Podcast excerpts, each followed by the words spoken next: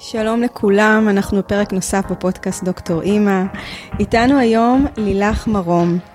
לילך בעלת דוקטורט בחינוך מטעם אוניברסיטת UBC, מתגוררת בקנדה ואימא לחמישה ילדים, בוגרת תואר שני בהיסטוריה יהודית באוניברסיטת חיפה, בוגרת התוכנית של מנדל במנהיגות, ועבדה בארגון לחינוך דמוקרטי. היי לילך. אהלן. אני רק מוסיפה שבשנת 2006 אה, ארגנת את הכנס האקדמי הראשון בארץ בעניין החינוך הביתי, אה, ובשנים האלו אני מבינה שהיית גם אימא בחינוך ביתי. כן, אימא צעירה בחינוך ביתי. כן, אז אה, האמת שאני ככה נחשפתי לשם שלך תוך כדי השוטטות שלי והעניין שלי בחינוך הביתי בשנים האחרונות, ומאוד רציתי לדבר איתך ואני מאוד שמחה ש... אה, וגם יש לך אה, תואר אה, מכובד בפודקאסט, אתה השיחה הטרנס-אטלנטית הראשונה. כבוד לי. ממש אבל. אז אה, מאיפה אנחנו מתחילות? אני לא יודעת, מאיפה שאת רוצה, את, את המארחת. אני אז... כן, זה עליי טוב. אז אני הייתי רוצה שנתחיל מההתחלה. אמרתי, אם את צעירה, אז בואי נתחיל משם. אז מה, כאילו, ממתי להתחיל? מהביוץ או... אפשר. אבל בואי נתחיל עם לידת הילד הראשון, מה קרה שם, ועל החינוך הביתי שלכם בתוך זה. ויש לי פה עוד סט גדול של שאלות, אבל נראה לי שמשם זה מקום טוב להתחיל. אוקיי, okay, סבבה. אז אני, אז אולי אני רק אתן בהקדמה ש... אני אף פעם לא הייתי יותר מדי הטיפוס האימהי, כאילו חברים שלי שהיו להם ילדים לפניי תמיד, את יודעת, התייחסתי אליהם בתור המטרד שבחדר. אז את יודעת עדיין יש לי איזה חברה טובה שחושבת שזה הדבר הכי מצחיק בעולם שיש לי חמישה ילדים. זאת אומרת איך בן אדם ששונא ילדים יש לו חמישה ילדים. אוי אוי אוי. את שלי אני לא שונא תמיד בוא נגיד ככה. אבל אה, אבל כשהייתי בסביבות גיל 30 אה, פתאום גם כל החברים שלי התחילו, התחילו להיות להם ילדים וגם פתאום רציתי שיהיו לי ילדים ובדיוק סיימתי, או ילד, התחלנו מילד, אה, ובדיוק סיימתי, סיימתי תקופה בגרמניה שכתבתי שם את התזה שלי לתואר השני וחזרתי לארץ וזה כאילו רציתי שיהיה לי ילד. ו... ואני חושבת שבגלל שזה מה שהנטייה שלי לעשות, זה ללמוד ולקרוא, אה, תמיד הייתה הנטייה שלי, אז זה הפך עוד משהו שפתאום התחלתי ללמוד ולקרוא עליו, מאיך להיכנס להיריון עד, כלומר לא החלק של הסקס, אבל... איך לזרז את זה, עד, אה, עד איך, אה, כאילו איך לידה והיריון, אז כאילו זה פתח אותי לאיזה עולם שלם של, אה, של למידה, שלפני כן לא הייתי חשופה אליו, ועוד פעם אני חושבת שבגלל שהנטייה שלי היא לעשות קריאה אה, כאילו ביקורתית ולחפש כל מיני מקורות, אז, אז דרך זה הגעתי גם לכל, ה, לכל הדברים האלטרנטיביים, כאילו היום הם כבר הרבה יותר במיינסטרים אני חושבת, אבל אני מדברת על הילד הגדול שלי הוא בן 17. אז בישראל לפחות זה היה עדיין קצת פחות במיינסטרים, במקומות אחרים בעולם זה הרבה יותר אה, התחיל קודם, אבל אה, אז התחלתי לקרוא על כל המדרכים טבעיות להיריון ולידה וקראתי על זה המון וההיריון שלי היה, הייתי גיני פיג אחד גדול, ניסיתי את כל השיטות האפשריות האלטרנטיביות והלא אלטרנטיביות אה, וגם תכננתי שתהיה לי לידה טבעית וככה וזה. וכמובן שבסוף אה, זה יצא הפוך ממה שרציתי, כלומר זו הייתה לידה אבל עם הרבה התערבויות, זה, שזה גם היה סוג של למידה כי מהלידה השנייה והלאה כבר לא קראתי כלום אבל פשוט אמרתי לכולם אל תתקרבו אליי ואל תיגעו בי. אה, ואז זה כן היה כמו שרציתי. אה, אבל אבל אה, כן, אז ככה זה התחיל, וזה המשיך אה, שיאלי, שזה הילד הגדול שלי, אה, אחרי שהוא נולד, אז המשכתי בתהליך הזה של הקריאה ושל ה... של תיאוריות של גידול ילדים, ו... ומאוד אהבתי את כל ה... את כל השיטות היותר של חינוך, מלכתחילה, חינוך פרוגרסיבי, חינוך פתוח, אבל דרך זה גם נחשפתי יותר ל unschooling ולג'ון הולט ולכל מיני תיאוריות כאלה. ו... ואת יודעת, גם העקרון הרצף, כל מיני דברים כאלה שהיו נורא טרנדים, ואני, זהו, ואני חושבת שזה מאוד uh, resonated with me. Uh, זה כאילו, וניסית, וזה דברים ש, שבתקופה שהייתי בה אז, uh, התחברו גם למקום שאתה יודע לי מין פאוזה כזאת מהחיים, החלטתי, בהתחלה לקחתי שנה חופש, הייתי עם יאלי. זהו, ואז בערך אחרי, ו, וכאילו, זו השנה שהייתה מאוד מושקעת בגידול שלו ובהתנסות שלי בכל מיני דברים כאלה. את יודעת, מאוכל אורגני ועד אה, אה, מנשאים ושמאלה מזה, שלינה משותפת, כל מיני דברים כאלה. אה, ואני חושבת שאחרי שנה פחות או יותר הבנתי שאני לא, כאילו שבשבילי הממשק שלי עם העולם הוא, הוא חשוב לי, ואני לא, לא, לא, לא רוצה, לא שאני מזלזלת במי שבוחר לעשות home schooling, אני חושבת שזה מכובד ביותר ויש בזה הרבה משמעות, אבל הבנתי שזה לא בשבילי במובן הזה. אה, אבל כן נשארתי מחוברת לצד הזה של כל הדברים האלה שלמדתי והמשכתי ללמוד אותם וגם ליישם אותם בעמדות כאלה ואחרות, נגיד תמיד הילדים שלי ישנו איתי, תמיד הנקתי עד גיל מאוחר, תמיד, כלומר אני, היו הרבה דברים שכן נשארו איתי, אבל לא הדבר הזה שחינוך ביתי הוא הדרך שבה אני אגדל את הילדים שלי או אממש את עצמי, לצורך העניין.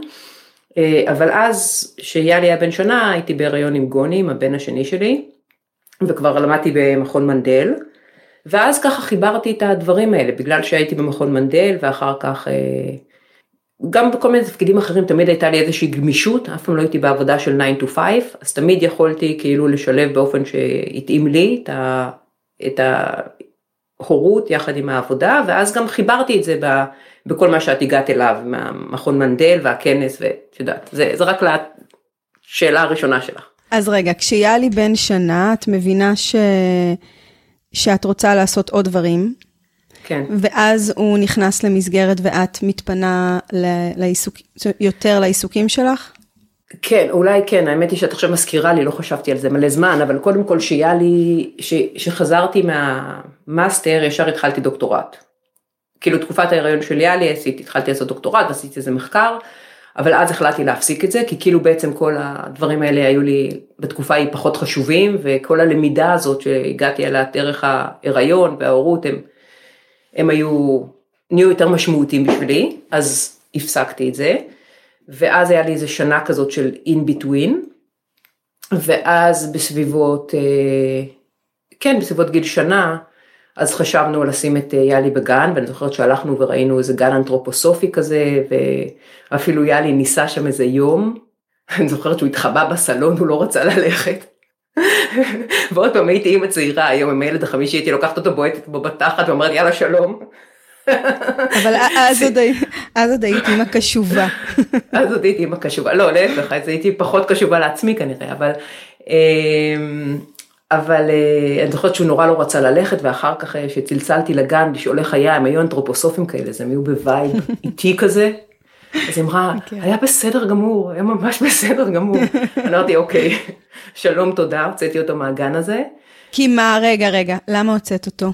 כי כאילו זה לא, לא, לא הסתדר לי, שאני שואלת אותה איך היה היום הראשון, ואומרת לי, היה בסדר גמור, כאילו, כזה בין מין לא יודעת, כאילו זה לא, לא, לא, מה זה בסדר גמור, איזה מין דרך, כאילו, לא יודעת, זה היה נראה לי לא, אני לא רציתי בסדר גמור, רציתי טוב או משהו, או עם, משהו עם בשר. אה, אז הוצאנו אותו מזה והבאנו מטפלת.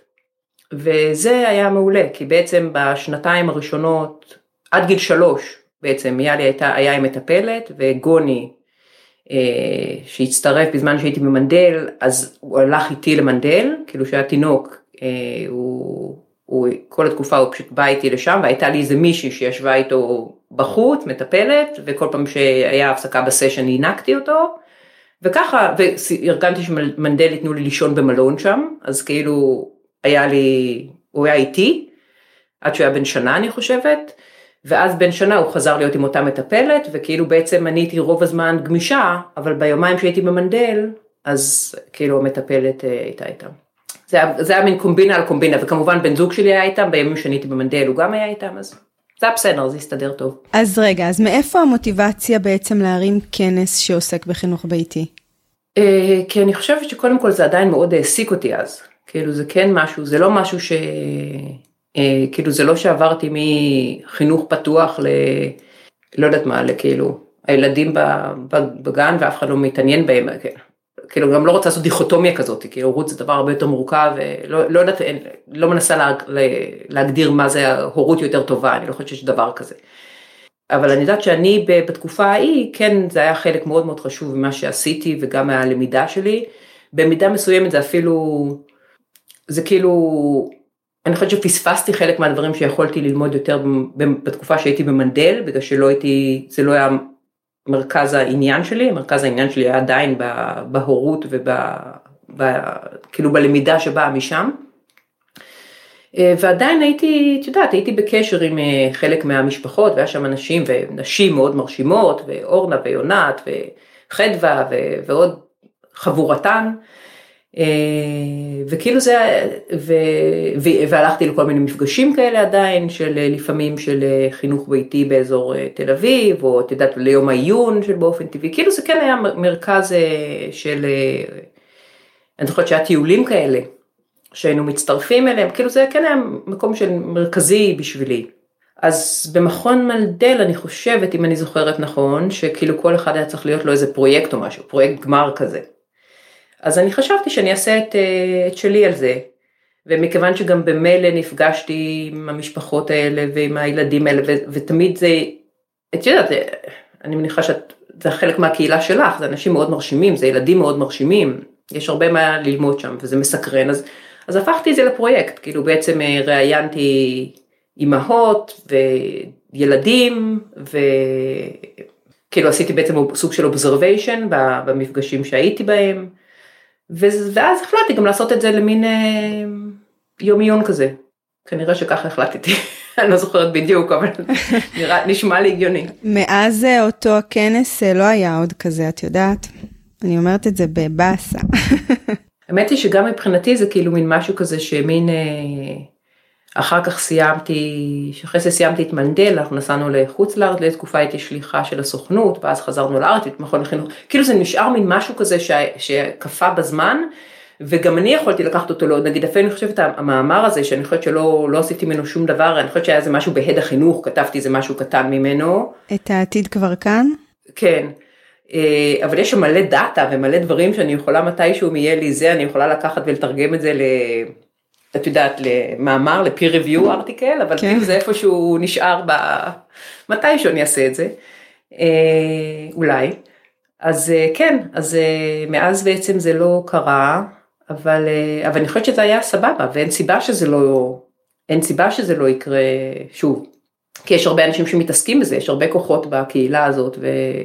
וגם אנשים שנמצאים בממשק שלה עם העולם האקדמי, וזה אין סיבה לא לעשות. אז אני חושבת שמה שחסר היום, שאני חושבת שמה שזה משהו שאת עשית אותו, והיום הוא מאוד חסר, זה שאין כל כך גשר בין הקהילה, המשפחות של החינוך הביתי, וגם אני כוללת גם את אנשי האקדמיה שהם עוד איזה שיר, אה, עוד חלק בשרשרת, ולבין אה, משרד החינוך. אז היום הגשר הזה מאוד מאוד חסר, יש ממש... אה, אמרתי ליונת שאני נפגשת איתך, אז היא אמרה ש...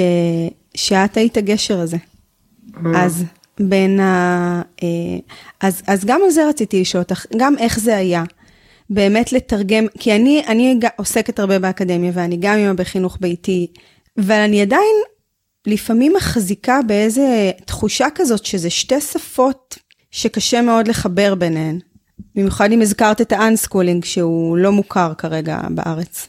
אני חושבת שזה כאילו זו שאלה עם כמה levels אבל uh, כאילו ברמה הראשונה שאיך עשיתי את זה אני חושבת שפשוט uh, כאילו זה, זה מצחיק לפני כמה זמן התארחתי, ב, הייתי, עשיתי guest speaking אצל מי שהייתה מנחה שלי במאסטר ו, ו, ועשיתי איזה מחקר בגרמניה ו, וגם כן מישהו שאל אותי איך עשיתי את זה ואני חושבת שזה בגדול אותה תשובה, אני, אני לא חושבת, אני פשוט עשיתי את זה. רציתי לעשות את זה ועשיתי את זה, אז אני חושבת שזה היה, זה פשוט רציתי לעשות זה, אמרתי זה יקרה, וזה קרה. אז כאילו זה פשוט, הלכתי עם ראש בקיר במידה מסוימת, ו, ופשוט דיברתי עם אנשים איפה שיכולתי, במנדל, ו, וצריך לזכור גם כמובן שזה לא רק אה, אני, אני כאילו התעקשתי לעשות את זה, והרמתי את זה, אבל אה, את יודעת, אני חושבת שהסיפורת, המעטפת הזאת של מכון מנדל הייתה מאוד, אה, הייתה משמעותית בגלל שהייתה שם את התוכנית הזאת, והיה, אני לא זוכרת אם יורם הרפז עדיין היה שם או לא היה שם, אבל כי באיזושהי תקופה הוא התחלף בדיוק, אבל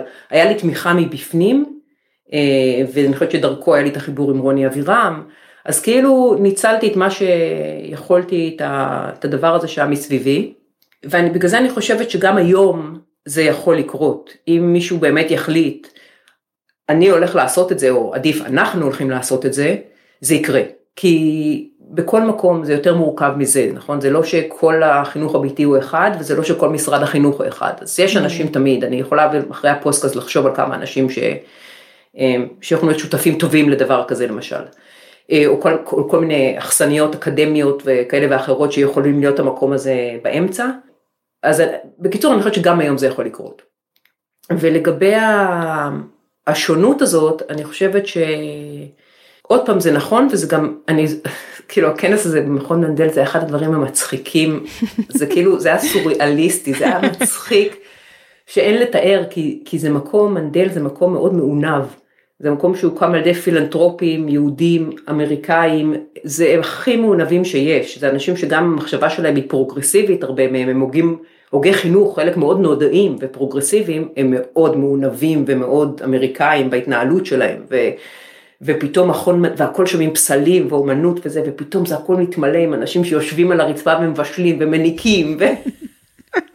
אני ממש יכולה לדמיין את הסיטואציה הזאת. תשמעי, זה היה מצחיק ברמות שאין לתאר, כאילו, וילדים רצים בחוץ, ובתוך זה אנשים עם עניבות הולכים ועוברים מחדר לחדר, זה כאילו היה מצחיק ברמות.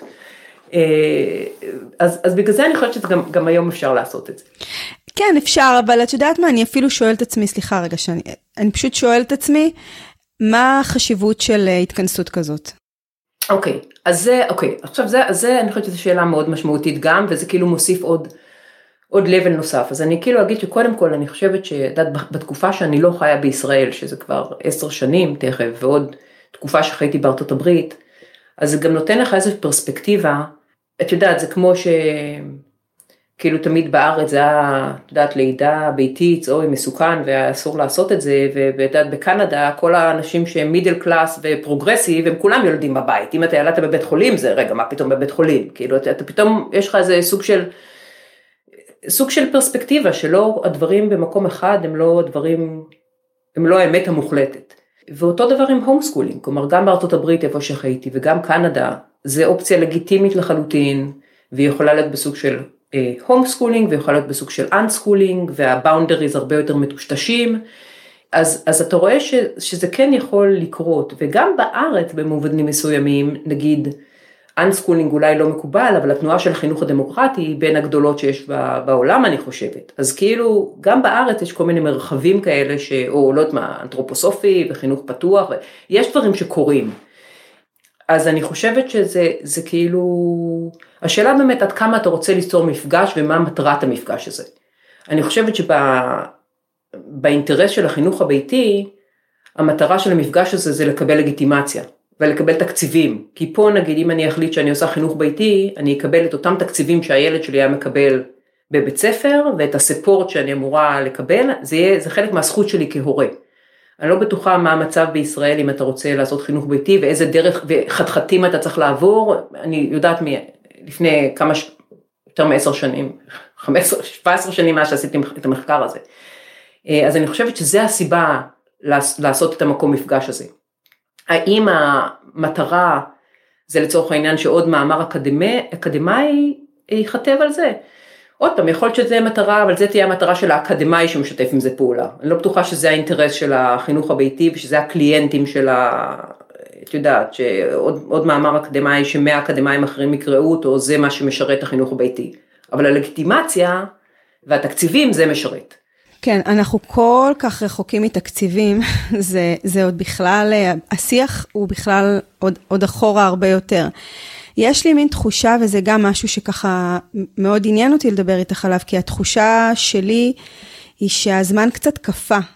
וזה לא שיש פה איזשהו תהליך שהוא הופך את החינוך הביתי ליותר לגיטימי, הוא הופך אותו ליותר, אה, לפחות ביזארי מצד משרד החינוך, ליותר אפשרי. יש אפילו מין תחושה קצת שבשנה, שנה וחצי האחרונות יש קשיים, נערמים קשיים אה, הרבה יותר גדולים על משפחות שמבקשות חינוך ביתי והן נדרשות לדברים שמשפחות בעבר לא נדרשו.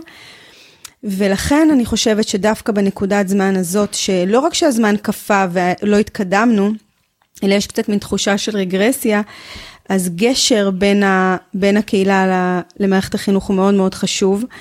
יש תחושה קצת של ייאוש בארץ. אה, עכשיו את מספרת על אצלכם שאת מקבלת תקציב, ואני אומרת, וואו, המצב פה הוא כל כך כל כך אה, אחר. כן, אני, תראה, אני חושבת שיש, אה, זה, זה, עוד פעם, כאילו, אני לא, אני לא חיה בישראל עכשיו, אני בטח לא מבינה את המורכבות לעומק, אז אני גם לא, לא אתיימר ל, לייעץ, אבל אני חושבת ש, שבמובן הזה, אם, אם לא רק חינוך ביתי, אלא כל תנועה, אה, צריכה איזושהי הכרה ממסדית בשביל לקבל אה, יותר, לצורך העניין יותר לגיטימציה שתאפשר אה, תקציבים וגם תאפשר איזושהי כניסה יותר קלה, כניסה ויציאה יותר קלה למערכת לצורך העניין. ואני חושבת שבשביל זה כן חשוב, חשוב שיתפרסמו מאמרים, חשוב שיהיה דאטה, חשוב ש, שאפשר יהיה לעשות קייס, וגם חשוב למצוא פרטנרים במשרד החינוך, וגם חשוב שתהיה איזושהי גמישות. הטייק שלי, ויכול להיות שאני מאוד טועה גם, זה שיש פה איזה, כן, אני רואה את זה רק דרך הפייסבוק, כי את יודעת, הממשק שלי עם, עם ישראל, חוץ מאשר המשפחה וחברים, זה, זה בעיקר הפייסבוק.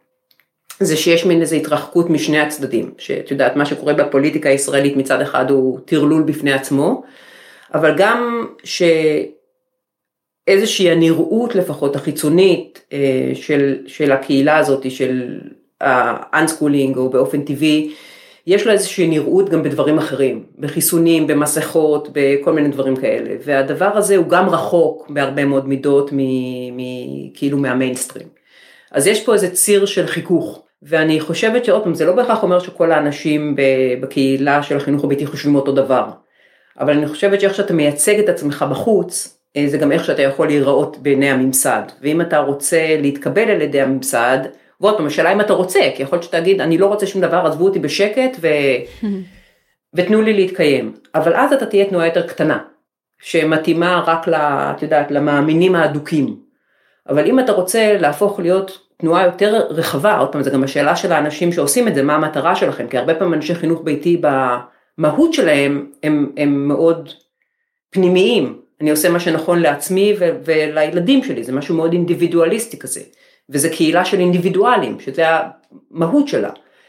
אבל אם אתה רוצה להיות תנועה יותר רחבה, אז בבסיס תנועות חברתיות רחבות, הן צריכות להיות קצת יותר פתוחות וקצת יותר גמישות. ועוד פעם, נגיד הרמה שפה, שאני יכולה למלא טופס ולבחור בטופס האם אני רוצה לשלוח לבית ספר, לעשות distributed learning או לעשות home uh, schooling, ובתוך ה home schooling אני יכולה לעשות unschooling. את מבינה? אז, אז זה הרבה יותר נגיש לאנשים, לאלפי אנשים, ל, ל, ל, ל, כאילו לעשות את המהלך הזה. ולכל דבר יש יתרונות וחסרונות, את מבינה? כאילו, אני חושבת ש, שגם ה... כאילו השאלה מה, מה אתה רוצה להיות. אני חושבת שהקהילה הזאת של החינוך ביתי תמיד הייתה מאוד קטנה, אני חושבת, ומאוד מיוחדת. אבל בשביל להיות תנועה יותר רחבה אתה צריך, אתה צריך לעשות כל הדברים האלה כמו שאת אומרת, למצוא גשרים, לעשות פוליטיקה, ל, ל, לדבר בשפה אקדמית. אז גם דיברת על הקהילה של באופן, אבל גם הזכרת משהו מאוד מאוד חשוב, שהוא בעצם נוג... דיברת על האינדיבידואלים, אז באמת קהילת החינוך הביתי, אי אפשר לאפיין אותה באיזשהו אופן, השונות היא מאוד מאוד גדולה. ואני מוסיפה לזה שאין איזשהו ארגון גג שאת יודעת, מייצג אותנו מול הממסד. זה בסוף אה, איזה שהם קשרים אה, מקריים כמעט שנעשים, ויש מין תחושה שבאמת אין, אה, אין את ה... שוב, התחלתי עם זה, אין גשר שיכול לעשות, ו, ובאמת, הזכרת את, את, ה, את הקהילה של החינוך, של, ה, של באופן, אבל היום המצב בארץ הוא כזה שהקהילה היא מאוד מאוד מגוונת. יש גם הרבה יותר הום סקולרים בארץ עכשיו, לא, עדיין בעיקר אנסקולרים, שזה לא מוכר. ו... ועוד משהו שאמרת, אני יכולה להחליט לחיות את חיי כמו שאני רוצה, אבל בסוף אני תלויה בחסדי האישור, לחסדי הפטור, כי אנחנו כפופים לחוק חינוך חובה, אז, אה, אז פה נעשה איזשהו אה, ניסיון אה, מאוד גדול של משפחות להתאים את ה... בעצם באיזשהו אופן לקנות שקט, כן. משנה לשנה. כן. אז זה ממש מעורר קנאה מה שאת מתארת על הטופס שאתה צריך למלא, איך אתה רוצה לחיות את חייך. כן, כן, לא, ואני חושבת שזה באמת, אני חושבת שזה שילוב כזה של, yeah, שכאילו במידה מסוימת של אולי חוש, חוסר אה, גמישות מספקת של אה, מערכת החינוך הישראלית בגלל הרבה מורכבות בכלל של, של החברה בישראל, נכון? כאילו ב, ב, בישראל בהרבה מאוד מידות הרבה דברים ש, שבמקומות אחרים הם בתחום של הפרט, בישראל הם תחת חקיקה או תחת, אה, כאילו זה חברה מאוד, מאוד סוגרת מבחינים, מבחינות מסוימות, כאילו שמאפשרת הרבה פחות פתיחות. אבל אני חושבת שעדיין סביר להניח, ומצד שני, אבל החברה הישראלית, עוד פעם, זה כאילו הכל הכללות, אבל יש שם המון כוחות יצירתיים ורדיקליים ומחשבה ביקורתית, אז, אז אפשר למצוא את ה...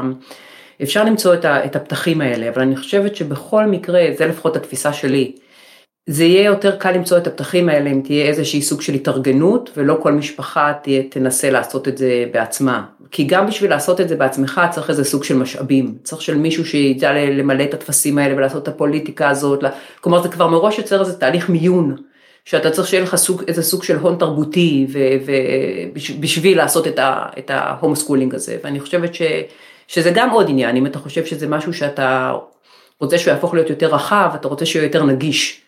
אתה רוצה שאנשים יוכלו להגיע במהירות לאינפורמציה ולעשות בחירה, ושהבחירה הזאת תהיה כזאת להרבה אנשים, בהנחה שאתה, בטח אם אתה מאמין ב unschooling, אז אתה מאמין באיזה מקום ש, שזה יעשה את עצמו, אה, אז אתה רוצה שזה יהיה פתוח. זהו, אז את יודעת, אין לי פתרונות לזה, אבל אני, אבל אני חושבת שיש אנשים, הנה, גם כמוך, נכון? כמוך ו, והרבה אנשים אחרים שהם... אה, את יודעת, שגם עושים עבודה חשובה ויש להם אה, קהל אה, מאזינים או קהל אקדמי או קהל, את יודעת, אנשים כאלה כמו אורנה שפרון, ש... או את יודעת, או דני לסרי בהשקה שלו, כאילו, וגם רוני וארי ואנשים שעשו על זה מחקרים, הם כל אחד מהם יכול לתרום משהו בשביל... אה, ל, ל... את יודעת, ההתארגנות האחרונה אה, המשמעותית שהייתה בארץ, זה היה באמת היה סביב הבג"ץ ב-2008, אבל באמת יש מין תחושה שפעם, אז בשנים האלה קרו כל מיני דברים, ומאז יש באמת איזושהי אה, התנהלות שהיא, שוב, מין איזושהי אה, אנרציה כזאת. אה, אבל כן, אני באמת אחד הדברים שאני מנסה לעשות זה גם לנרמל יותר את החינוך הביתי ולהנגיש אותו אה, גם אה, מול משרד החינוך. אני באמת מקווה שה... שמשהו משמעותי יקרה מכל הניסיונות. וגם אני חושבת שה... קודם כל אני מקווה שכן, אבל אני גם חושבת שבמקרה הזה יכול להיות שדווקא כל הקורונה יכול להיות איזה סוג של הזדמנות במובן הזה. אני רק ראיתי בדיוק בהארץ שיורם הרפז כתב משהו. אמ, אז, אה, אז אני חושבת שזה, כי בעצם הרבה אנשים נכפה עליהם לעשות איזה סוג של חינוך ביתי וזה היה ברור שלפי, עוד פעם, לפי מה שאני קוראת, אין לי חוויה פנימית של החיים בישראל בתקופה הזאת, אבל אה, שזה היה מאוד לא מוצלח הניסיון הזה להושיב, להושיב ילדים בזום ל-50 שעות ביום, עם, עם, זה כאילו מראה שזה, שזה לא רלוונטי. אז אני חושבת שמהמקום הזה אולי יכול להיות איזשהו סוג של פתיחות ל... לסוג של הבנה ש...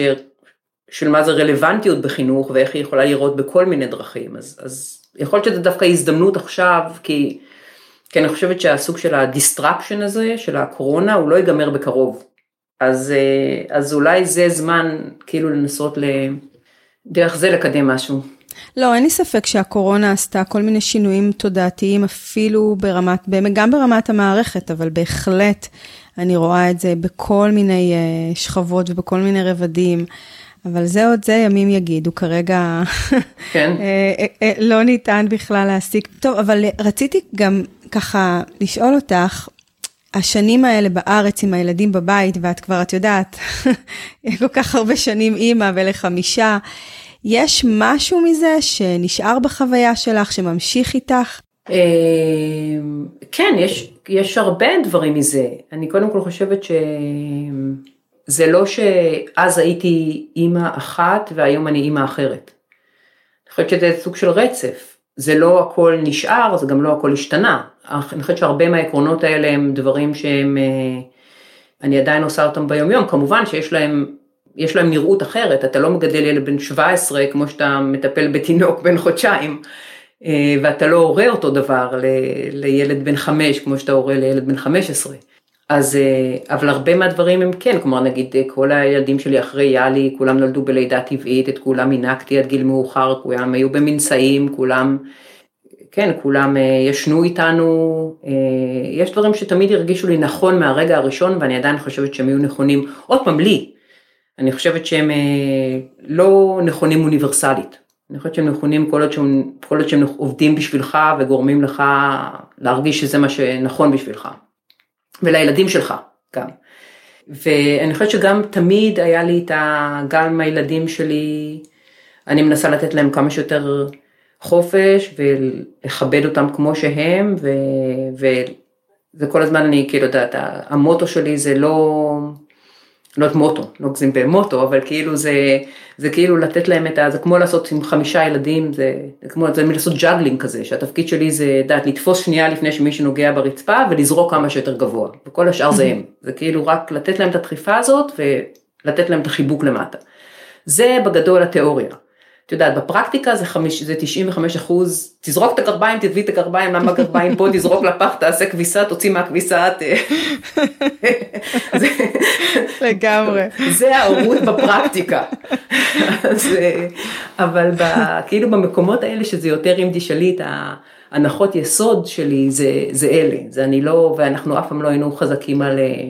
אני אף פעם לא עושה מין איזה supervision של שיעורים ו homework במובן הזה של ותקבל ציונים ותעשה ככה, זה אף פעם לא היה חשוב לנו. הלמידה כן הייתה חשובה לנו תמיד, אבל אני לא חושבת שזה מהבית ספר מקבלים.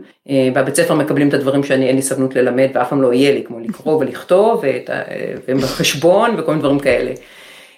וחיי חברה וכל הדברים האחרים, אבל אני לא שולחת לבית ספר כי אני חושבת שזה הפתרון האידיאלי, מעולם לא חשבתי וגם אין לי ציפיות גדולות מהבית ספר, אני חושבת שזה את יודעת, אני שולחת כי זה הפתרון שמתאים לאורך החיים שלנו והוא טוב מספיק לילדים שלי. אז כאילו הרבה דברים הם, אה, הם כאילו נשארו, הם כן אותם דברים, כאילו אותם, אה, אותם אמונות בהרבה מאוד מידות, אבל הם משולבים בפרקטיקה, אה, במה שמתאים לסך כל של הדברים שאני רוצה לעשות כבן אדם. לא יודעת אם עניתי, אבל זה... אני נהניתי מהתשובה, פשוט אני לא זוכרת מה הייתה השאלה. גם אני לא. לא, אני חושבת על זה, חמישה ילדים בבית ספר, לא בבית ספר באמת, אבל חמישה ילדים ויש לך גם עוד דברים שאת אוהבת לעשות בעצמך. איך משלבים את זה? זה משהו שאני בחיים שלי עדיין לא פיצחתי. איך באמת לעשות, אה, אני לא יודעת אם את מרגישה ככה, אבל ת, תגידי את, אבל אם את באמת עושה משהו משמעותי ואת מרגישה שאת במקום שהוא לגמרי אה, שלך, שאת ככה משקיעה בו ומושקעת בו, ולגדל חמישה ילדים. גם בן 17, אני יודעת שעדיין הוא צריך את אימא. כן, הוא בעיקר משאיר גרביים all over the place. בדיוק. אה, אה, אני חושבת ש... עוד פעם זה כאילו זה יש פה זה כאילו זה בכמה לבלים אבל אני כאילו אני חושבת שה... אה, אומרים לבלים בכלל יש דבר כזה בכמה לבל כן. אוקיי לא יודעת אם אומרים הברטתי את זה אני חושבת ש... בכמה רמות אם את רוצה. בכמה, בכמה רמות אני חושבת שקודם כל זה זה גם היה תהליך. זה היה תהליך, אני חושבת שהרבה שנים, כלומר, בואי נגיד לך, כבר אחרי יאלי, שהיה בן שנה וחזרתי למנדל, ואחר כך הייתי שליחה, ואחר כך הייתי במכון לחינוך דמוקרטי, אז כאילו חזרתי לעולם. אה, וגם אני חושבת שעשיתי, כאילו הייתי מושקעת בדברים שעשיתי, אבל הרבה שנים הייתי עם הרגל על הברקס. למרות שתמיד כאילו פעלתי בעולם מאז אותה שנה ועשיתי דברים, ואני חושבת שחלקם גם היו משמעותיים לי ובתקווה לאחרים, אבל וגם תמיד שילבתי, כאילו תמיד הילדים היו באים איתי לעבודה והייתי לוקחת את העבודה הביתה, כאילו היו דברים שמההתחלה היו לי מאוד אינטואיטיביים, שאני לא רוצה לעשות הפרדה, ו... אה, אבל בהרבה מאוד מידות כן הרגל שלי הייתה לברקס, אני זוכרת אפילו ש... שהיה כמה כנסים, גם במנדל וגם אה, אחר כך נגיד כנסים אקדמיים שלא נסעתי, אמרתי לא, אני לא אעזוב את הילדים וזה. ו... ואני לא יודעת, אני חושבת, שזה היה תהליך, אבל התהליך הזה גם באיזשהו שלב הפך להיות, מספיק דברים הצטברו לתהליך הזה, שזה היה איזה נקודה שאמרתי, fuck it, כאילו מה, מה זה הקשקוש הזה? מה אני לא יכולה לנסוע לכנס לשלושה ימים והילדים יסתדרו בבית? כאילו מה לעזאזל חשבתי לעצמי, כאילו באיזה סרט חייתי. אה, ו, ואז כאילו הרמתי את הרגל מהברקס ואמרתי, אמרתי אני יכולה להיות אימא טובה, ו, וגם אני רוצה להיות אקדמאית טובה או וואטאבר ולהיות uh, כל דבר אחר שאני רוצה לעשות ואני יכולה לעשות את זה בצורה שהיא פחות uh, מגבילה אותי, פה שמה איזה מג... הגבלות על עצמי ולא יקרה שום דבר אם, ה... איזה ילד יישאר שלושה ימים עם, ה... עם בן זוגי או whatever. ו... ואני חושבת שמאז אני עושה את זה יותר ויותר ואני חושבת שמה שבעיקר אה, אה, נפטרתי ממנו, אני לא רוצה להגיד רגשות אשם, אני לא אוהבת את המושג הזה, אבל כאילו, כאילו לשחרר, פשוט לשחרר את, אה, את הדברים האלה ולהגיד, כאילו אני אימא טובה, נתתי לילדים שלי, קודם כל הם חיים בזכותי, שזה הרבה מאוד, ובלעדיי הם לא היו כאן בכלל. אה, אז אה, את יודעת, ונתתי להם התחלה טובה, נתתי להם, את יודעת, בית ואוכל ואהבה וחיבוק, וכאילו, ועכשיו יש להם את הדרך שלהם בעולם, ואני, יש לי את הדברים שלי. אז אני חושבת שזה כאילו ה... זה כאילו המקום שמאפשר לעשות את הגם וגם. ואני חושבת שגם אה, חלק מזה זה גם שבמשפחה גדולה של חמישה ילדים יש להם הרבה, אני מצפה מהם להרבה. אני מצפה מהם לדעת לנסוע באוטובוס ולבשל ולנקות ולדאוג אחד לשני, זה כאילו חלק מהדברים, אני חושבת שהיום בהרבה מאוד מידות, זה שיש לי חמישה ילדים זה יותר קל בהרבה דברים, כי אה, אני, אם תשאלי את הילדים שלי על כישורי הבישול שלי הם יצחקו, אני קטסטרופה מוחלטת, אני לא מבשלת בכלל, אני לא, אני לא עושה קניות של אוכל בכלל, אני, כלומר זה דברים שעושים גם בן זוג שלי וגם הילדים שלי, שני הבנים הגדולים מבשלים את רוב הארוחות יחד עם בן זוג שלי, כלומר כאילו יש, החיים מתחלקים על הרבה אנשים ויש לי ציפייה מהילדים שלי שיעשו את זה. אה, כן, אז אני חושבת שזה לא היה, את לא היה לי בעיה לעשות דוקטורט אם הגעתי לקנדה עם בהיריון רביעי, ילדתי את הבת הרביעית שלי חודש לתוך הדוקטורט, והשנה הראשונה היא באה איתי לקורסים, ואחר כך בשנה השלישית נולד אנדי, וזה היה בסדר גמור. זה היה בסדר גמור, אני חושבת שזה היה לי יותר קל מהרבה אנשים מסביבי ש... אה, את יודעת, שהיו כולם בהיסטריה וקמו בארבע בבוקר ללמוד ולא יודעת מה היו ב... לא, אני פשוט, זה פשוט הסתדר לי. אני חושבת שאם כבר יש משהו שמגביל במרכאות, זה זה שחלק מהילדים שלנו הם עושים כל מיני ספורט תחרותי ודברים כאלה. אז זה כל הנסיעות, וה... דבר שהוא מקשה, אבל אני חושבת שזה דבר שמקשה על כל... כל הורה. על כל אחד גם שיש לו, בדיוק, אין לזה... כן, יש לי פה אחת כזאת. מה היא עושה? כדורסל, כן, זה המושקעות הזאת, כשמישהו מהם תופס איזה תחביב כן. שדורש ממך. את מדברת מאוד בנחת על האיזון הזה בין הגידול שלהם לבין ה... מה שחשוב לך. לא יודעת, יש שם איזה שקט כזה, זה משהו גם שאת רואה אותו כתהליך, את, ה, את ה balance הזה, או שזה משהו, זה איזושהי התפכחות, כמו שתיארת אז, לפני שנסעת לאיזה כנס, נכון, אמרת שפתאום אמרת לעצמך, fuck it. זאת אומרת, זה היה רגע כזה, של, או שזה גם תהליך?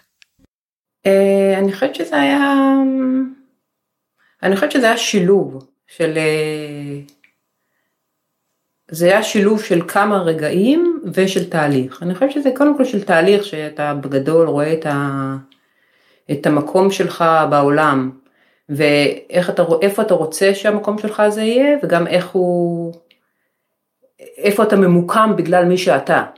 גם תמיד הייתי פמיניסטית, תמיד. אה, תמיד, או לפחות מאז שאני זוכרת את עצמי, אז זה כאילו תמיד, אני חושבת שהצטברו מספיק דברים שהפריעו לי במחשבה הזאת של כל מיני מגבלות כאלה שאני אמורה לשים על עצמי או לקחת, אה, או דברים שראיתי שמגבילים אותי מבחוץ, אבל אני משתפת איתם פעולה. עכשיו אני עושה לזה כאילו מין אה, תיאוריזציה כזאת, אני, אבל אני חושבת שזו הייתה חוויה פנימית של כל מיני דברים כאלה שהצעדת, אני זוכרת מין, את החדר במנדל שהייתי יושבת בו ושואבת חלב, את יודעת, בזמן שכולם הולכים להפסקת צהריים ואני הייתי יושבת שם ואני זוכרת כל מיני סיטואציות ש...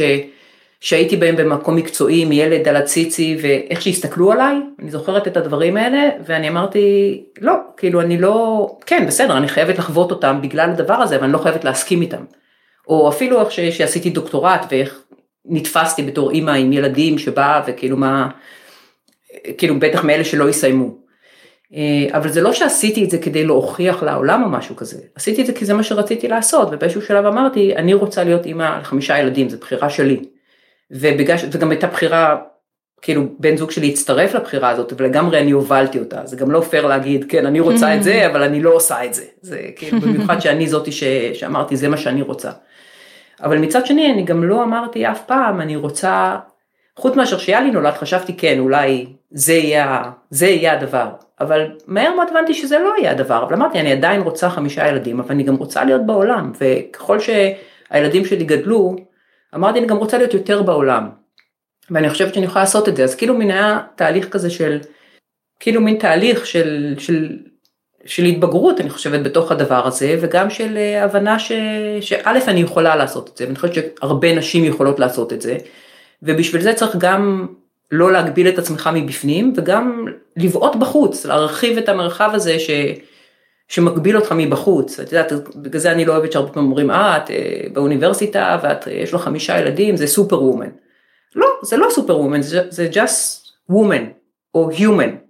כאילו, אתה יכול לעשות את זה, כאילו, זה לגיטימי שבן אדם יעשה את הדברים האלה, שיהיה הורה אה, ויהיה לו קריירה, ואיך אתה משלב את זה ביומיום שלך, זה כבר שאלה שלך. אם אתה בוחר שהקריירה שלך זה גם להיות הורה בחינוך ביתי, סחטיין. אבל אם לא, זה גם סחטיין. כן, לגמרי. אני חושבת שכשאתה בוחר להיות הורה בחינוך ביתי, אני חושבת שאת הבנת את זה מהר מאוד. זה לא משאיר לך הרבה לבעוט ולמקם את עצמך במקומות אחרים בעולם. אני יכולה להגיד שכל הסצנות האלה שאת מתארת, שיל, שילדים נמצאים עליי במנסה ועל הציצי בכל מיני מקומות, זה דברים שחוויתי אותם כל כך הרבה.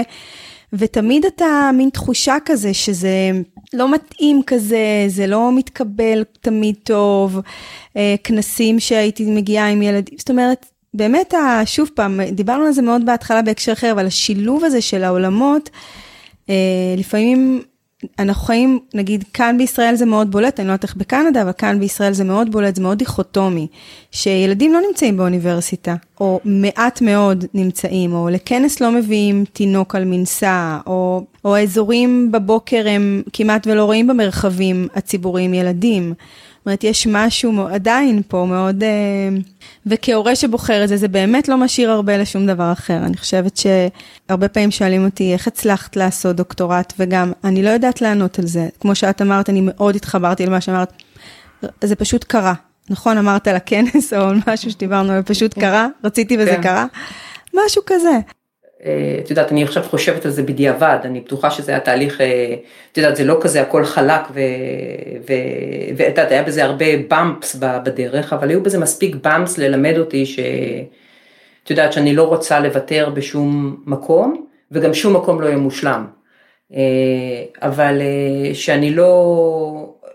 ואני חושבת שזה גם כן, אני חושבת שזה גם שונה, עוד פעם, שיש לך פרספקטיבה יותר גלובלית, אז אני חושבת שהאקדמיה זה עדיין מקום מאוד בעייתי לנשים בהרבה מאוד מידות, כאילו בשביל, אה, וגם לגברים אה, שרוצים להיות הורים או בכלל, אני חושבת שזה, ואני חושבת שהמודל היותר מבוגר של האקדמאיות, שני דורות מעל, הרבה מהם באמת אין להם ילדים פה בקנדה, בישראל זה, זה מין תת חיה בפני עצמה, כי אתה כאילו לא יכול שלא יהיו לך ילדים, אבל בקנדה הרבה נשים אין להם אה, ילדים למשל, או... אה, אבל עוד פעם, אז אני חושבת שזה מקום של אנשים כמוני וכמו עוד הרבה אחרים, זה המקום שכל אחד יש לו את המקום שהוא צריך לעשות לדחוף את הגבולות, אז זה המקום שאני דוחפת את הגבולות בו, לא, זה לא משימת חיי, עוד פעם, כי אני לא אמרתי המקום שלי עכשיו בחיים זה לדחוף באקדמיה להביא עוד ילדים, לא, אבל אני לא, אני אנפולג'טית על הדבר הזה, ואני תמיד אפתח דלתות ואני בחיים לא אסגור את זה בפני סטודנטית או מישהו שנמצא, רואה, באותו מצב כמה שנים אחרי. אה, כאילו אני יכולה ל, ל, לנסות, ל, כמו שאמרת, לנרמל את זה כמה שיותר, גם במי שאני ובאיך שאני מתנהגת, אה, וגם בהזדמנויות, אם אני יכולה לתת הזדמנויות לאנשים אה, מסביבי. ואני חושבת ש... ופה את יודעת, גם המרחב הוא שונה, כי נגיד אם את מדברת על המרחב הציבורי פה, את יודעת נגיד שאני גם באתי לכאן ורציתי לעשות פעילות עם הילדים שלי אחרי צהריים, חוג עם הקטנים. כל החוגים לילדים הם בבוקר. לילדים עד גיל חמש אתה לא תמצא חוג אחרי צהריים, כי ההנחה זה שבבוקר מישהו איתם. איזה הורה איתם, או לפעמים אולי מטפלת איתם, אז כאילו פה זה הפוך בכלל, אם אתה רוצה למצוא לילד שלך חוג בלט והוא בן ארבע אחרי צהריים, אין, זה בעשר בבוקר, או בסוף שבוע.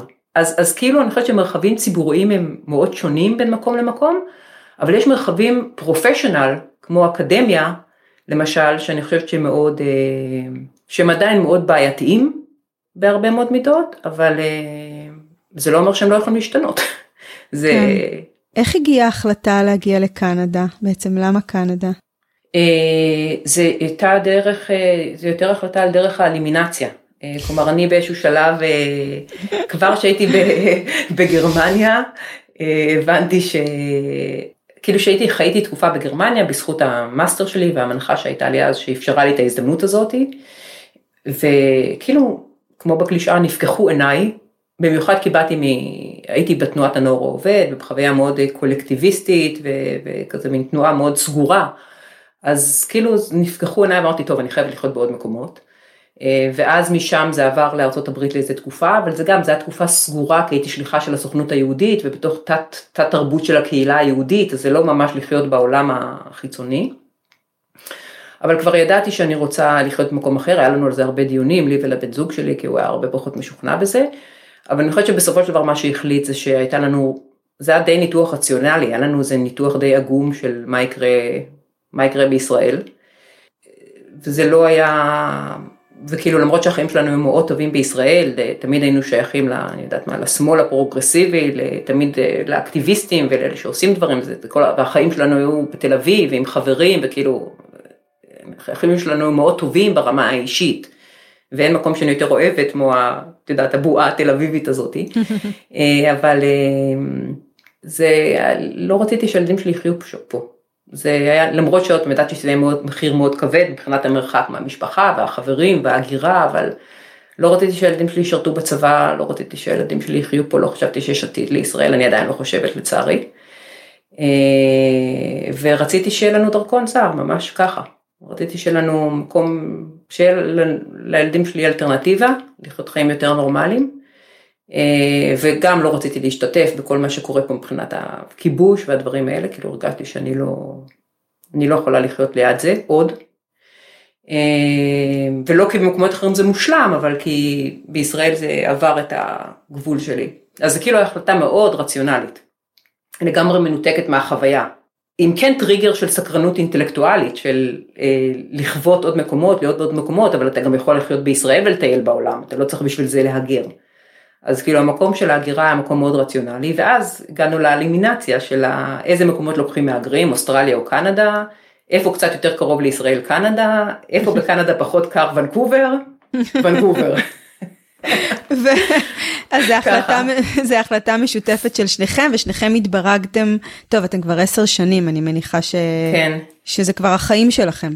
אה, זה כבר החיים שלנו, זה מצחיק להגיד שזה עשר שנים, כי זה, זה כאילו חתיכת תקופה עשר שנים, אבל ממש. זה כן, זה מה שנקרא זה לפודקאסט אחר, כל תקופה של, כל חוויית ההגירה וזה, זה מסיפור אחר, זה לא קל, זה גם למישהו כמונו שהם אה, יחסית, הייתה לנו הגירה, אה, עוד פעם פריבילג', היה לנו מספיק תמיכה וכסף בשביל לעבור, אני התחלתי תוכנית דוקטורט, אז היה לנו מגורים באוניברסיטה, אבל זה מאוד מאוד קשה, זה מאוד קשה ל, ל, לבנות את עצמך מחדש, שאין לך את כל ה-cultural capital שלך, את הקשרים שלך, את השייכות שלך, את ההבנה התרבותית שלך, את, ה, את כל הניואנסים שהופכים אותך למשוייך למקום אחד וזר במקום אחר, אז אה, זה היה מאוד מאוד מורכב, ושנינו גם עובדים בתחום, בתחום החינוך, זה התחום שאתה צריך הכי הרבה הבנה קונטקסטואלית בו, הוא כל כך קונטקסטואלי, הוא כל כך, אה, אתה צריך, אה, זה כאילו להיות אה, דג מחוץ למים. אז כן, זה לא היה תהליך מורכב, אבל הנה אנחנו פה, עשר שנים אחרי. והבן שלי הגדול התחיל ללמוד באוניברסיטה השנה. באוניברסיטה שאת נמצאת בה? באוניברסיטה שאני סיימתי בה. לא שאני נמצאת בה עכשיו שסיימתי. אוקיי, זאת שסיימת. כן. ואתם מגיעים לארץ? אנחנו משתתפים להגיע כל שנה, כל חורף, זה, אנחנו מחכים לזה מאוד מאוד, הילדים מאוד מאוד קשורים למשפחה ולסבא והסבתא, ואנחנו לחברים שלנו ולמשפחה, משתלם לבוא כל שנה, אבל השנה... אה, לא. השנה... השנה לא. קפאה לכולנו. השנה קפאה לה, אז אנחנו מקווים לעשות, אה, לעשות ביקור קיץ במקום. נהדר. מה, מה את עושה היום? תספרי לי. אה, אני faculty באוניברסיטת, זה נקרא Kwantlen Polytechnic University, זו אוניברסיטה שיש לה בעיקר undergraduate programs, ואני במחלקה של educational studies, אז שם אני, אז אני מלמדת ואני עושה מחקרים וכל מה שקשור בזה. ומה תחום המחקר שלך היום? Uh, המחקר שלי בגדול הוא, שזה גם כן קצת קשור לחינוך ביתי במובן הקשור עקיפים, בגלל שאני תמיד מתעניינת בדברים שהם, אה, בוא נגיד marginalized voices, בקולות שפחות נשמעים, ואז אני, אז כאילו, אני מתעניינת בסיפורים של מהגרים ושל אה, נגיד indigenous people ושל כאילו כל מיני קבוצות של מיעוטים, ואיך החוויה שלהם במערכת החינוך, ואיך ה... ואיך במידות מסוימות המערכת מעכבת אותם או מונעת מהם להצליח, איך אתה יוצר יותר מקומות של מולטי אה, קולטרליזם, של שילוב, של אנטי אה, רייסיזם, כל מיני דברים כאלה. זה, אה, אז כאילו במובן הזה חינוך ביתי הוא עוד איזה סוג של קבוצת שוליים בהקשר הזה, מסוג אחר, כי היא גם קבוצה מאוד אליטיסטית במובנים אחרים, אבל היא כן מחוץ, מחוץ למיינסטרים. אז זה, זה דברים שאני עדיין מתעסקת בהם. וכשאת אומרת קבוצה אליטיסטית, למה את מתכוונת? שכאילו שהרבה מאוד אנשים, ב... עוד פעם אני אומרת מהמעט שאני, יכול להיות שגם כמו שאת אמרת, תנועה אולי מאוד גדלה והשתנתה בישראל, אז יכול להיות שאני לא מכירה את זה, אבל הרבה מאוד אנשים בחינוך ביתי לפחות שאני הכרתי, או מההתרשמות שלי, אה, זה אנשים שבוא נגיד הם לא בהכרח עשירים, זה בכלל לא, אבל הרבה מהם יש להם הרבה מאוד הון תרבותי. זה אנשים שבעצמם בוגרי אוניברסיטאות, חלק מהם תארים גבוהים, השכלה גבוהה, זה אנשים שהיו במשחק, ובגלל שהם היו במשחק הם מבינים אותו, וגם בגלל זה הם יכולים לצאת ממנו, והם גם סומכים על עצמם בהרבה מאוד מידות, במקומות האלה של unschooling, זה אנשים ש... שהם אומרים כן הילד שלי יכול ללמוד לקרוא מתי שהוא ירצה, אבל הם יודעים שיש להם את ההון התרבותי הזה, הם יודעים שהם בעצמם יש להם תמיד ספר ליד המיטה, הם יודעים שהבית שלהם מלא ספרים, הם יודעים כלומר הם יודעים שהחינוך יקרה מעצמו בגלל שהוא קורה בתוך סביבה מסוימת. אה, אה, שיש בה, את יודעת, אה, הרבה מאוד השכלה ותרבות, וזה מה שהילדים שלהם מקבלים מהם, דרכם, לא באופן שהם יושבים עם ה... עם המחברת בבית ספר, אבל סביר להניח הרבה יותר, כי יש להם מורה פרטי בבית משכיל, זה הרבה יותר ממה שילד רגיל בבית ספר מקבל. זה כאילו, זה הקריאה שלי את זה, זה בהרבה מאוד מיטות ומקבלים הרבה יותר אה, השכלה ממה שאתה מקבל במערכת החינוך הרגילה. אם אתה, אם אתה, מה שאתה קורא קוואט עם קוואט, השכלה גבוהה. כן, את, את מדברת ואני מרגישה שאת אה, מחוברת לנימים הכי דקים של, ה, של החינוך הביתי. שזה משהו שכמעט אני יכולתי עד שדיברתי איתך להגיד שרק מי שעושה את זה שנים וחי את זה ומתפלש בזה, יכול להגיד את מה שאת אמרת עכשיו. אה, טוב, תודה, אני לא יודעת, אני, לי זה נראה זה כאילו, אני חושבת שזו הבחנה שהייתה גם, אה, גם לי חיצונית, אבל היא גם אצלי פנימית, את יודעת, נגיד אצלי, הבן שלי שבא לפה, הוא היה בכיתה ג', אה, הוא לא ידע לקרוא, הוא היה בבית ספר דמוקרטי ב- בישראל, בקהילה, ו... הוא אף פעם לא בחר לקרוא ולכתוב, הוא היה עסוק בדאנג'ן ודרגן ושיחק בחוץ וזה, והוא הגיע לקנדה והוא לא למד, וכאילו בעצם כשהוא הגיע לקנדה הוא, הוא, הוא התחיל ללמוד לקרוא ולכתוב בבית ספר, שאת יודעת, בגלל שהגענו לכאן היינו זרים על זרים, אז, אז שמתי אותו בבית ספר הרגיל, וגם כי הבתי ספר הרגילים בקנדה זה, עוד פעם, אני לא אגיד בכל קנדה, אבל איפה שאנחנו נמצאים זה מסיפור אחר, זה לא דומה בכלל לבית ספר בישראל. אה, anyway, אבל אז הוא למד לקרוא בעצם כשהוא היה בכיתה ג', היום עכשיו הוא בן 17, סיים שנה לפני ובאוניברסיטה. אז הוא כבר אה, רכש קריאה וכתיבה, אני מניחה. רכש קריאה וכתיבה ועשה גרדיואט שנה לפני, אבל למה אני מספרת את זה לא כדי להשוויץ פה, אלא כדי להגיד שזה אף פעם לא הטריד אותי, אבל באמת זה שזה לא הטריד אותי זה בגלל ש-I'm privileged, בגלל שידעתי שזה יקרה. אבל אם הייתי אה, בא ללא השכלה ובן זוג שלי היה ללא השכלה והיינו, לא הייתה לנו כניסה למערכת ההשכלה הגבוהה והיינו מחוץ למקום הזה, הדבר הזה לא הייתי יכולה להיות כל כך נונשלנטית לגבי הדבר ולהגיד שזה יקרה, זה לא ככה. זה, זה סוג של, זה אנשים שהם אליטה מספיק יכולים להיות רגועים לגבי הדבר הזה. אז זה גם כאילו איזה סוג של חוויה פנימית שלי, ואני רואה שאני במרחבים אחרים נגיד, שאני לא כל כך פלואנט בהם, כמו בעולם הזה של כאילו מין תרבות גבוהה והשכלה, אז אני מתנהגת אחרת, אני לא כזאת שאננה. את יודעת, אפילו אם זה כמו שאת נתת בדוגמה הזאת של הכדורסל, אם את רואה שהילד שלך בתוך נבחרת כדורסל ואתה לא מבין שום דבר בכדורסל, אז אתה אומר, איפה יש מאמן אישי, איך לוקחים אותו לעוד שיעורים, איך תומכים בו, זה סימן שאתה בחוץ לדבר הזה, ואתה רוצה שלילד שלך יהיה את התנאים להצליח בתוכו. ככה אתה מתנהג, אבל שבתוך העולם של החינוך הביתי אתה לא מתנהג ככה, כי יש לך ביטחון שיש לך את הדבר הזה וזה יעבור לילד שלך. אה, וזה סימן של איזה סוג של אליטיזם שיש בתוכו, אני לא, אני לא מבקרת את זה, אני רק משקפת את זה. כן. אה, זה ביטחון של אנשים שיש להם בהשכלה שלהם ובתרבות שלהם ובמה שיש להם לתת לילדים שלהם. והילדים שלהם באמת ייקחו את זה, ואז הם מקבלים את הבית ספר הפרטי הכי טוב שיש, עם הורים שאוהבים אותם, שמקבלים אותם כמו שהם, והלמידה תקרה, היא תקרה, היא באמת תקרה, זה התנאים האופטימליים ללמידה. לי זה נשמע מאוד אה, ברור ומאוד אה, עושה לי שכל, אה, ובאמת אה, נראה לי שלא במקרה את יכולת לייצר את הגשר הזה בין העולמות. גשר ששוב, אני חוזרת להתחלה, שהוא מאוד חסר היום. אז אה, אני באמת רוצה להגיד לך אה, תודה רבה שהסכמת אה, להגיע אה, ולדבר איתי. מה נברך, מה נגיד, שנה חדשה, אנחנו ביום הראשון של השנה. כן, תודה, לקחת לי, לקחת לי שעה ורבע מהסגר שבה... עכשיו יש לי רק עוד כמה שעות ליום. who's counting. תודה רבה ושנה טובה, ותודה על השיחה החשובה הזאת. גם לך, בכיף. ביי. ביי. ביי ביי.